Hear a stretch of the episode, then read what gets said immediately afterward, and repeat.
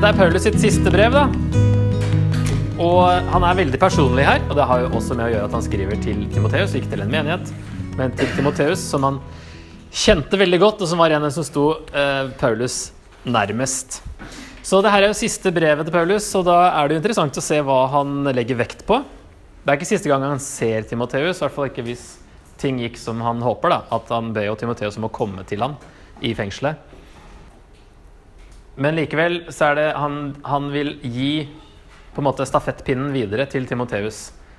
For han vet at det er slutt for sin egen del. Han vet at her nå går det mot slutten for, for Paulus, og han vil eh, eh, gi arbeidet liksom videre til Timoteus. Så eh, Paulus virker litt sånn Det er litt trist brev, egentlig. Og han virker litt sånn eh, Lite grann motløs, selv om han er Paulus. Og Timoteus òg virker litt motløs. Så det kan være oppmuntring for oss når vi er motløse. Um, og se uh, hva Paulus skriver her. Det er Et bilde som oppsummerer det. Everyone's deserted me, and I'm going to die. det, han sier det i brevet her, i kapittel 4, at alle, alle har vendt seg fra meg. Og det virker som at siden Paulus var så mye i fengsel, så var det ikke sånn utelukkende positivt da, og at uh, en apostel var i fengsel. Og han kunne bli misforstått som en kriminell, så folk liksom snudde seg litt vekk fra Paulus da mot slutten og ville ikke ha så mye med han å gjøre. Han sier i hvert fall at alle i Asia har vendt seg fra meg, sier han i 1.15. Og på slutten så sier han at uh, i 4.16 Første gang jeg forsvarte meg i retten, var det ingen som kom meg til hjelp. Alle forlot meg. Så han er litt alene. Og han er i fengsel. Dette er et annet fengsel enn eh, det han var i når han skrev 'Kolosserne' og Efeserne og Filipperne og Filemon. Da da er han ganske sikker på at han blir satt fri. Og det ble han, ut fra hvordan apostlenes gjerninger slutter. Her er han i fengsel igjen noen år etterpå, og nå vet han at eh, nå går det mot slutten. Bare Lukas er hos meg, sier han. Og det kan jo være da, sånn som det bildet her antyder, at det var Lukas som skrev eh, brevet, mens det er ikke sikkert han var sånn i lenker. da, I så fall så kunne han jo ikke skrive sjøl. Men uansett, siden Lukas var der, så var jo han en som kunne skrive.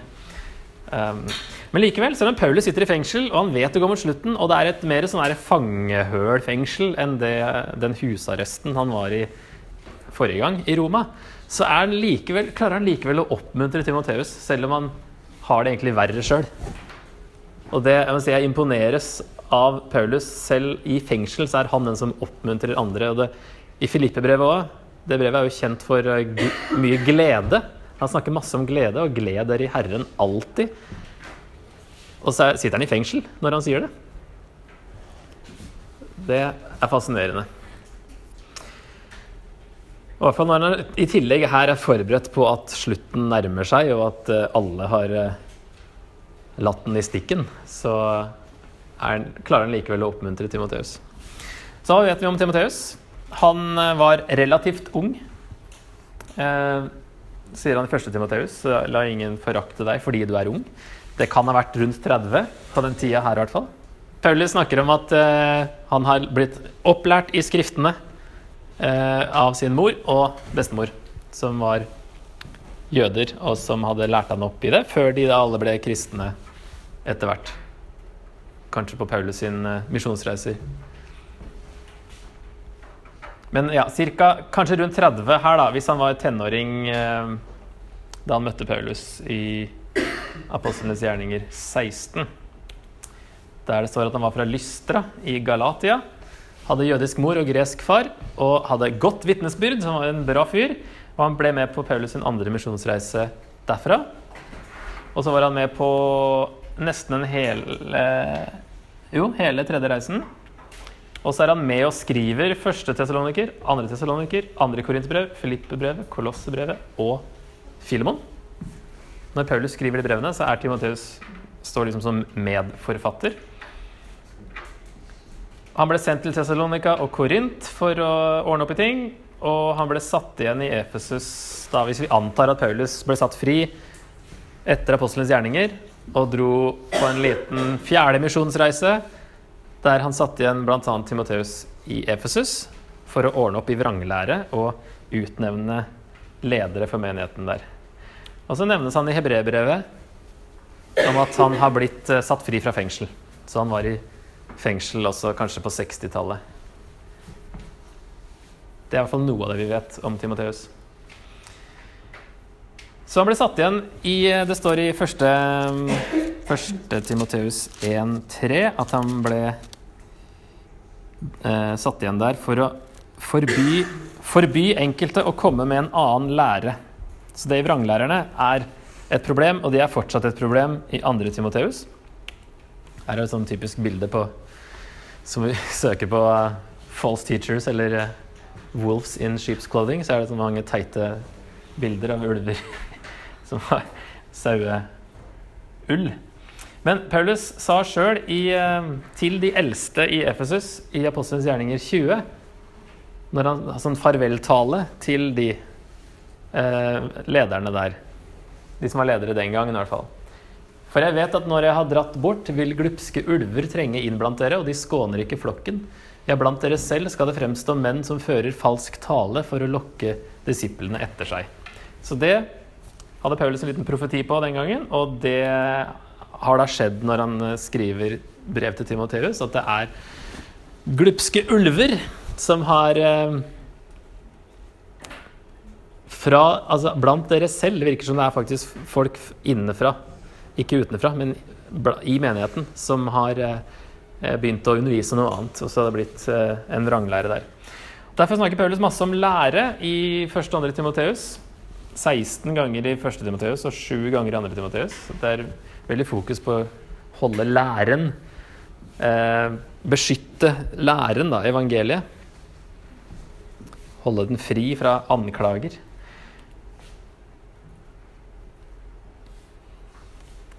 Ja, Så hovedgrunnen var å stoppe vranglæren. I 2. Timoteus så er det ting han nevner der som beskriver vranglæren litt. Det er ordkrig til ingen nytte, så det er mye diskusjon som ikke fører noe sted. Vanhellig, tomt snakk, ugudelighet. Så sier han at vranglæren må stoppes før den sprer seg. og Den sprer seg som koldbrann, sier han. Og det er jo sånn at det må amputeres til slutt. Og det er jo bilde på en kropp, ikke sant? Jesu kropp, som har fått koldbrann. Denne vranglæren den må stoppes før den sprer seg og kroppen råtner. Derfor må folk amputeres. Vranglærerne må kuttes av.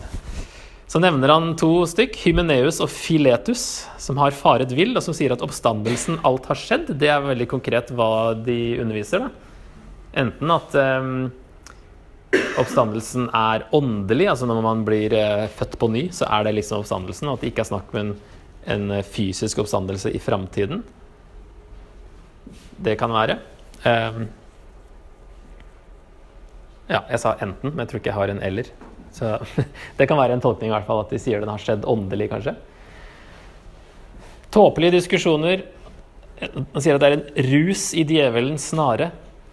Og han beskriver dem som eh, Eller folk generelt i de siste tider, som han ser ut til å knytte til sin egen tid og situasjonen der. Da. De siste dager skal det komme vanskelige tider.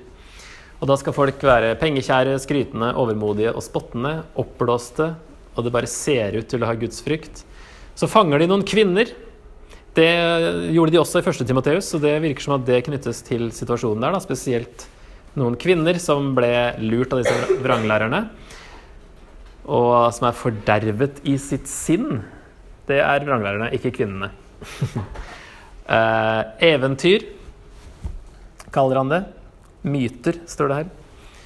Og så er det en som heter Alexander, som han nevner helt på slutten, som også er en av disse som Timoteus må passe seg for. Så situasjonen er at Timoteus er fortsatt i Efsus. Paulus er i Roma, og første høring i rettssaken har allerede skjedd. Og han vet at dette er slutten. Og i første Timoteus så sier Paulus uh, at han har tenkt seg til Efesus, til Timoteus. Så enten har han vært der, og så er han i fengsel igjen, eller så har han endret planer, kanskje fordi han ble fengsla, at han ikke fikk til å komme. Så nå er det i stedet Timoteus som må komme til Paulus. Og som sagt så høres han litt motløs ut. Eh, folk har forlatt han, noen har dratt, og noen har han sendt sjøl. Og så er det noen Trofimus, han ble sjuk, så han ble værende igjen et sted. Så eh, det er, han er litt ensom på slutten. Strukturen på boka er litt uh, enklere enn for mange andre bøker. Starter med mange oppmuntringer til Timoteus om å uh, la nådegaven sin flamme opp igjen, blant Uh, være villig til å lide for evangeliet. Kanskje han har trukket seg litt tilbake pga. alle vranglærerne. Og så er det mer på vranglæren fra 2.14 fiks, fiks opp i vranglæren, og så er det en avslutning da fra 4.9.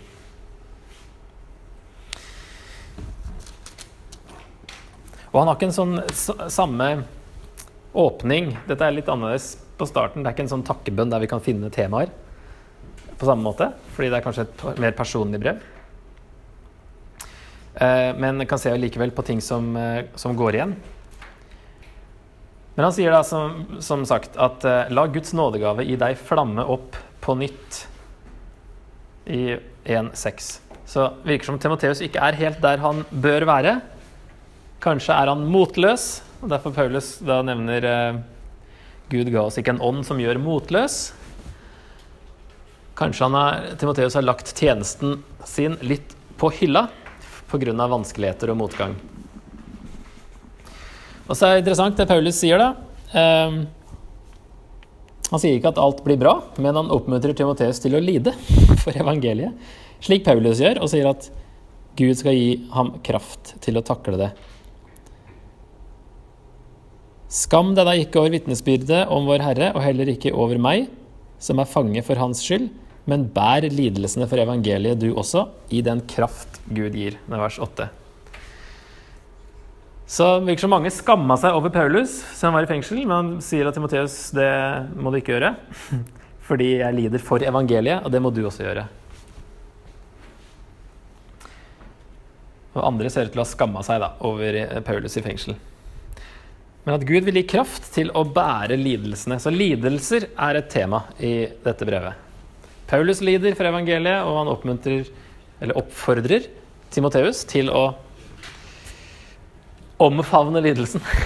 altså eh, være klar til å lide og eh, ikke trekke seg unna.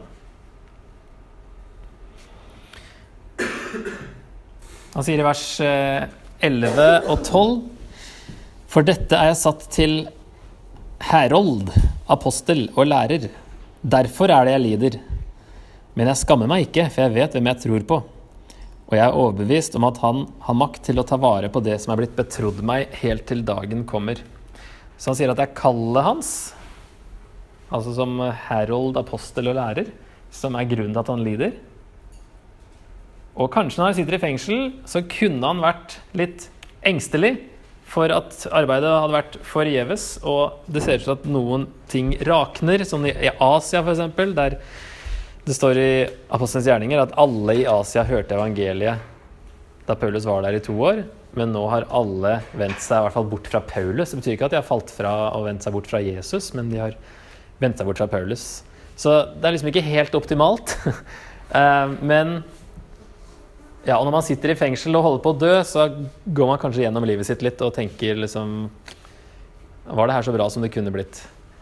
Eh, Paulus stoler på at Gud tar vare på den skatten som har blitt betrodd meg. Altså, det skatten nevner han i vers 14 til Timoteus. Um, så Gud har betrodd ting til Paulus og til Timoteus. Og Paulus stoler på at Gud tar vare på det når han sjøl sitter i fengsel. Og han oppfordrer Timoteus til å ta vare på den skatten som har blitt betrodd han. Oppgaven, oppdraget, nådegaver, sånne ting. Han sier i 2.9 at eh, jeg er bundet i lenker som en forbryter, men Guds ord er ikke bundet. Altså evangeliet er ikke bundet. Evangeliet går ut og spres, selv om jeg sitter i fengsel. Så han har tro på at uh, Gud holder på på egen hånd uten han når han sitter i fengsel. Men uh, kanskje han satt og Eller han kunne i hvert fall vært engstelig, men det ser ut til at han kanskje ikke er det. Men det hadde vært naturlig å, å gå litt i seg selv, da. Og det er en oppmuntring til alle i kristent arbeid. Vi ser ofte ikke så mye frukt av det vi gjør, men vi må stole på at Gud tar vare på det. Det er det som er så utrolig slitsomt. Er at du eh, jobber veldig mye, egentlig, og veldig, legger liksom sjela i alt du gjør. Og så ser man ikke alltid resultatene som man skulle håpe på. Og så får vi bare håpe at i evigheten så ser vi masse folk eh, der. Folk som vi har investert i på et eller annet tidspunkt. Og så sier han i kommer til kapittel to Vær da sterk, mitt barn, ved nåden i Kristus Jesus. Så Paulus, Her er liksom litt kjerne i brevet. da. Eh, Paulus er blitt betrodd evangeliet, og Timoteus har blitt betrodd en oppgave, spesielt i Efesus. Og nå blir han bedt også om å betro dette videre til andre. Så Noe av det Paulus er opptatt av i sitt siste brev, det er at evangeliet skal gå videre. Ikke sant? det skal ikke stoppe opp med Timoteus eller med Paulus, men det skal alltid tas videre til andre, som igjen kan ta det videre. Pålitelige mennesker som er i stand til å undervise andre. At evangeliet blir tatt vare på, beskyttet og gitt videre. Og det er nok en av hovedgrunnene kanskje at han skriver 2. Timoteus. Og her også ber han om at Guds kraft skal gjøre Timoteus sterk. Han ber ikke om at problemene skal forsvinne. Bare lidelser kommer, du må bare være sterk. Vær sterk i nåden. Og sier han i vers 3.: Bær også du lidelsene som en god stridsmann for Kristus Jesus. Så her er det mer lidelse. som Han sier vel tre ganger at vi bærer lidelsene. Akkurat med de ordene, i hvert fall i denne oversettelsen.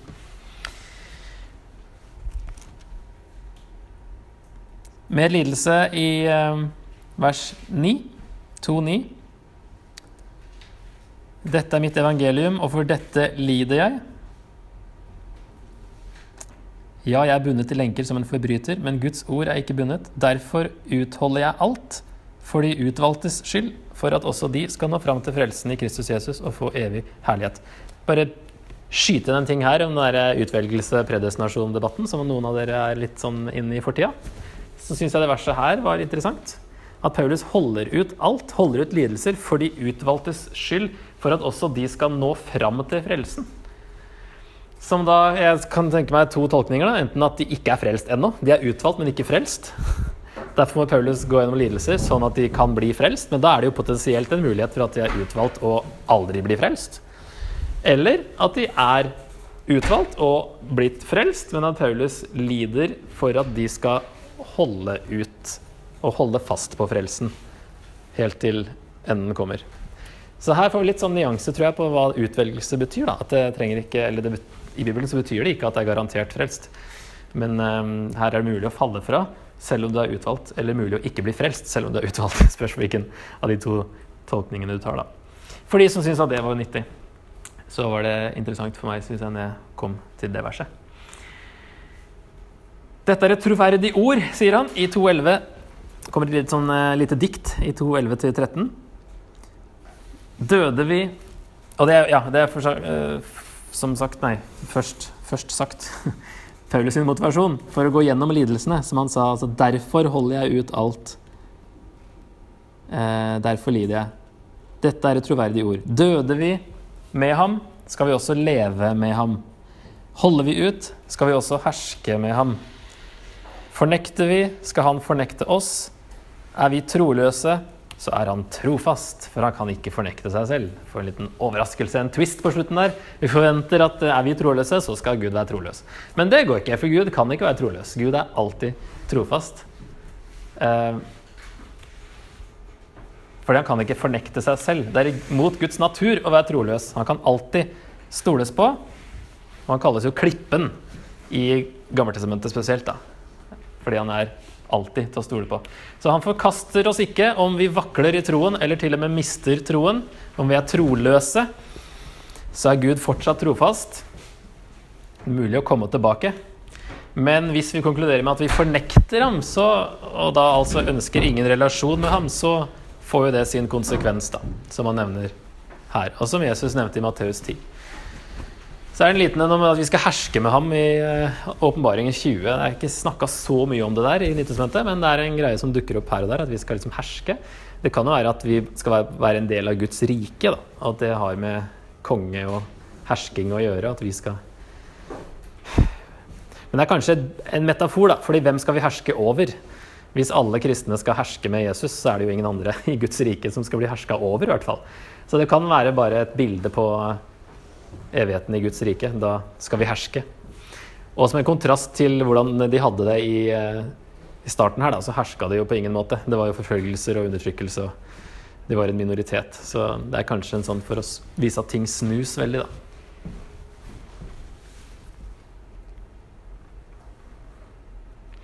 Så er det mer eh, Hvis vi hopper litt inn i kapittel tre, så er det mer lidelser i, um, fra vers 10. Men du har fulgt meg i lære og livsførsel, i holdning, tro, tålmodighet, kjærlighet, utholdenhet og i forfølgelser og lidelser. Slikt som jeg ble utsatt for i Antiokia, Ikonium og Lystra. Og det er jo området der Timoteus kommer fra. Sånn at eh, han ble også da, virker det som, forfulgt sammen med Paulus i det området. Du har fulgt meg i la-la-la og i forfølgelser og lidelser. Hvor mange forfølgelser jeg enn har måttet tåle, har Herren reddet meg ut av dem alle. Og så sier han alle som vil leve et gudfryktig liv i Kristus Jesus, skal bli forfulgt. Her er det noe helt annet helt annet enn herlighetsteologien, som sier at den åndelige personen, den ordentlig gudfryktige personen, han blir bare velsigna, og han blir rik, og han eh, Alt ordner seg. For Åssen eh, er det verset i Romerne? Det er lett å ta det verset ut og begynne å misbruke det og tro at uh, alt ordner seg. Uh, når uh, det er nok kanskje ikke akkurat det Paulus har i tankene. At alle småting. Vi vet at alt tjener til det gode for dem som elsker Gud, dem han har kalt etter sin frie vilje.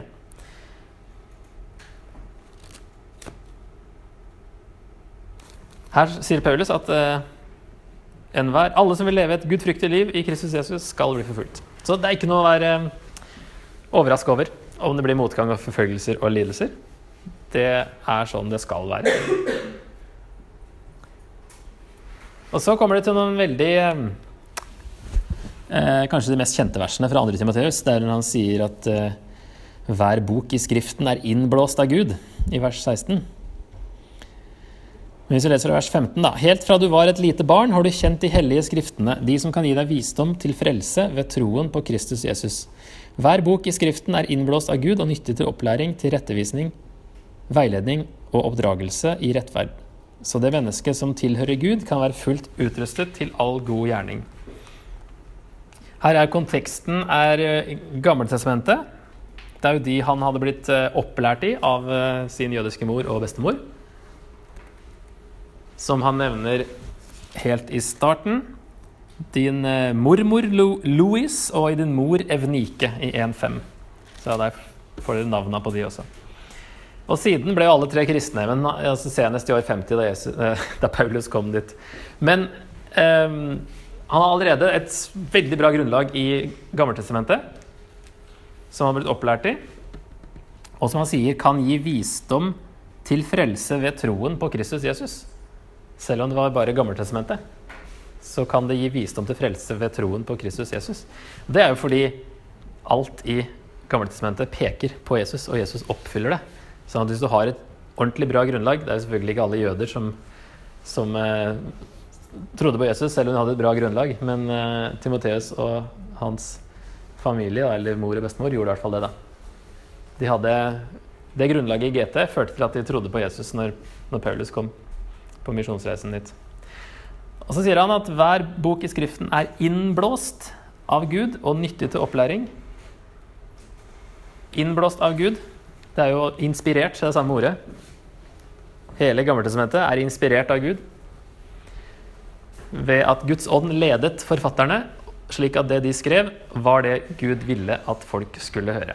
Så skriver de med forskjellig vokabular og sånne ting, men resultatet er det Gud ville at folk skulle høre, og at det på den måten er innblåst av Gud, inspirert. Så sier han at uh, Gammeltestamentet er nyttig til opplæring. Det kan jo ha noe med at det var mye vranglære der å gjøre, da, så måtte ha noe opplæring. Og tilrettevisning ting der òg som kan være nyttig for Timoteus når han skal tilrettevise vranglærerne. Så han må holde seg til Skriften, minner Paulus han om da.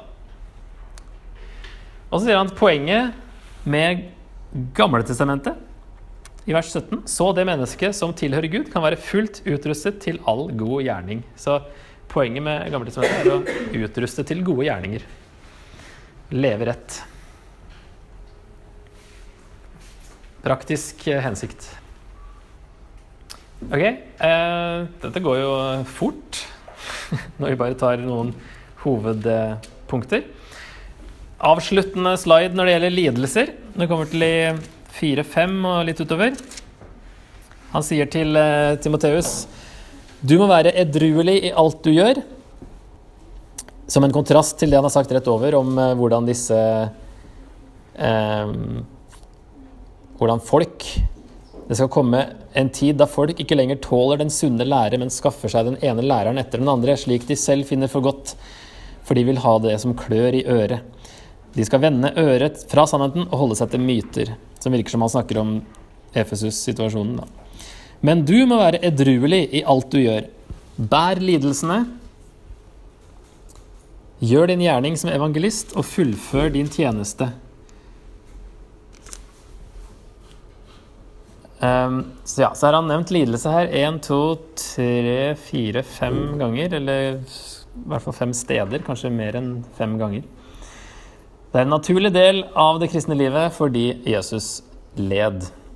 Og når han sier full, 'fullfør tjenesten din, eh, for nå blir jeg ofret', så eh, sier han egentlig litt mer ordrett 'fullfør tjenesten din, for jeg blir allerede ofret'. Han legger trykk på seg sjøl. jeg blir ofret. Derfor må du fullføre tjenesten, for nå kan ikke jeg gjøre så mye mer. Nå er jeg i fengsel, og jeg holder på å bli ofret. Han ser på sin død som et offer som ikke har noe, noe betydning for noe som helst, men det er et offer til Gud, kanskje hans liv. da. Timoteus må ta arbeidet videre, og spesielt i Efesus. at I hvert fall der, for Paulus kan ikke komme dit mer, men kanskje ellers òg. Timoteus eh, skulle overta litt av oppdraget til Paulus. For i vers 6-8 han sier her at han vet at han kommer til å dø. da. Nå blir jeg ofret, og tiden er inne da jeg skal bryte opp fra denne, dette livet. Jeg har stridd den gode strid, fullført løpet og bevart troen. Nå ligger rettferdighetens seierskrans klar for meg. Den skal Herren, den rettferdige dommer, gi meg på den store dagen. Ja, ikke bare meg, men alle som med kjærlighet har ventet på at han skal komme. Så han kaller det også for en strid. Det er han også nevnt i to tre. Hva er det står? To-tre. Bær også du lidelsene som en god stridsmann for Kristus Jesus. Så det er en strid som på en måte er en kamp i lidelser. Og i 1. Timoteus 1,18 også så snakket han om snakket han om eh, å stride. 1,18. Ikke, jo, ved dem skal du stride den gode strid, ja. Så det er eh, et uttrykk han har brukt flere ganger. Men at det er en, eh, en, eh, både en kamp og det er lidelser. Og så har han fullført løpet. Det er også et løp, og han får en seierskrans. Så det er sånn idrettsmetafor. Flere metaforer på rad her. Det kristne livet er også et løp. Paulus fullførte med troen i behold, og det var ikke noe lett liv som Paulus hadde da klart å fullføre.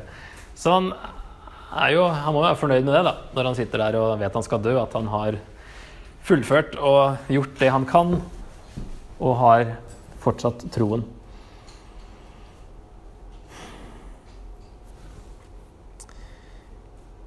Så sier han i vers 9.: Kom til meg så fort du kan.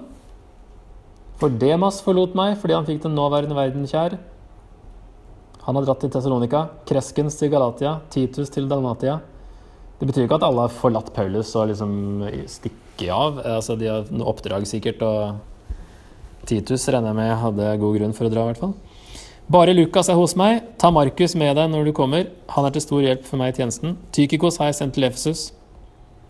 Når du kommer, må du ta med deg kappen som jeg lot bli igjen i Troas hos Karpos, og bøkene, framfor alt pergamentrullene.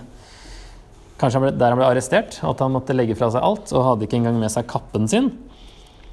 Eh, så sier han også i eh, vers 21.: Skynd deg å komme før vinteren. Så kanskje han er redd for å fryse og vil ha denne kappen sin før vinteren. Så Timoteus, ta med den fort deg kom eh, før vinteren. Og ta med bøker, så jeg har noe å, å drive med her inntil jeg dør, da. Så det er litt sånn trist avslutning. Og så det, kommer det her da, til vers 16, som vi leste i stad. Første gang jeg forsvarte meg i retten, var det ingen som kom meg til hjelp. Alle forlot meg. Må det ikke bli tilregnet dem. Han er liksom ikke bitter heller, da, heldigvis. Men Herren var med meg og ga meg styrke til å fullføre forkynnelsen, så alle folkeslag kunne få høre, og jeg ble reddet ut av løvens gap. Herren skal også redde meg fra alt ondt og frelse meg inn i sitt himmelske rike. Han være ære i all evighet. Så selv om alle forlot han, så var Jesus der og ga han styrke i hvert fall, til å til og med forkynne i rettssaken. Og det var jo hedninger der, ikke sant? så Paulus så på det som sitt, sitt kall, liksom, forkynne for hedningene. Så alle folkeslag kunne høre. Så det gjorde han fortsatt i rettssaken. Selv om han sto der helt alene og alle vennene hans var andre steder, så var Jesus der i hvert fall. Og så ser han liksom lenger enn det. Helt til slutt da han sier at Herren skal redde meg fra alt ondt, så er ikke det at jeg skal ikke lide noe mer i dette livet. Han vet jo at han kommer til å dø, men at han skal reddes ut av denne verden. Ut av alt ondt og til eh, Jesus sitt himmelske rike. Så avslutningspunkter. Paulus sitt liv endte ganske ydmykende og trist. Fordi det å tro på Jesus er risikabelt, og ikke for å gi oss status. Så det er egentlig helt etter boka at det skulle gå sånn med Paulus. Selv om det, har gått bra, men likevel så er det ikke verdslig bra å ende opp i fengsel og dø der, og folk ikke vil assosiere seg med han fordi han er i fengsel hele tida. Ensom og gammel og redd for å fryse. Og sitter han der og, og tenker og skriver. Timoteus oppfordres igjen og igjen til å bære lidelsene som kommer med evangeliet. Vi må også være forberedt på å møte motstand, og på at ting ikke alltid går på skinner. Paulus finner sin styrke i Jesus når mennesker svikter. Dette blir til oppmuntring for Timoteus, som var ganske alene oppe i vanskelighetene, og for oss når ting er vanskelig. Når vi står helt alene i ting, så er i hvert fall Jesus der. Og jeg kom på denne sangen 'Jesus det eneste' Jeg skal ikke spille hele den, men det andre verset der, som eh, har slått meg før også, når jeg var litt sånn skal ikke si jeg var i lignende situasjon som Paulus, men, men jeg følte veldig på et tidspunkt at uh, ja, En sånn slags ensomhet eller forlatthet. da. Uh, så går det verset sånn. Motganger møter meg, aldri du støter meg bort fra din hellige, mektige favn. Mennesker glemmer meg, Herre, du gjemmer meg fast ved ditt hjerte og nevner mitt navn. Så der har vi Paulus helt på slutten av sitt liv. At mennesker har glemt han, men han finner styrke i Jesus. Og har gått gjennom en hel haug med motgang, men, men har fullført løpet, da.